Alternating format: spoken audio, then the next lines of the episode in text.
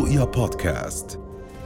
موجز الأخبار من رؤيا بودكاست. قال رئيس النقابة العامة للعاملين في الكهرباء علي الحديد اليوم إن إدارة شركة الكهرباء الوطنية أجبرتنا على سياسة الاعتصام والإضراب وأضاف أنه في حال عدم تجاوب الشركة مع مطالب العاملين ستتم الدعوة إلى إضراب مفتوح بحسب القانون.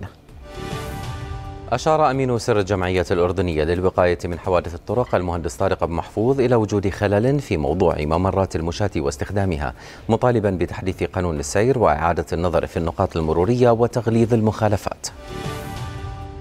توجه اليوم أكثر من 36800 طالب وطالبة من الفروع الأكاديمية والمهنية لتأدية امتحان شهادة الدراسة الثانوية العامة الدورة التكميلية في يومه الخامس.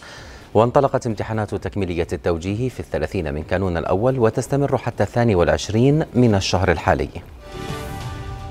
قال الناطق باسم وزارة الخارجية وشؤون المغتربين هيثم أبو الفول اليوم إن السفارة الأردنية في كازاخستان تحاول بشتى الطرق تأمين من تقطعت بهم السبل في كازاخستان. أبو الفول أضاف أنه وبالتعاون مع أفراد الجالية هنا قامت السفارة بتأمين الاتصال الهاتفي مع ذويهم في الأردن بسبب انقطاع الاتصال الأرضي وخطوط الإنترنت في كازاخستان. أعلنت السلطات في كازاخستان اعتقال رئيس جهاز الأمن الوطني السابق كريم ماسيموف بتهمة الخيانة العظمى بعد إقالته إثر أعمال الشغب في البلاد.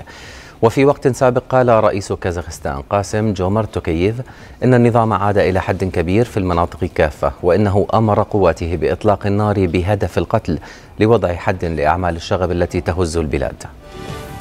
اندلعت احتجاجات في باريس ومدن فرنسية أخرى رفضا للإجراءات الخاصة بشهادة اللقاح ولتصريحات الرئيس إيمانويل ماكرون الأخيرة التي وصفت بالنابية تجاه غير المطعمين.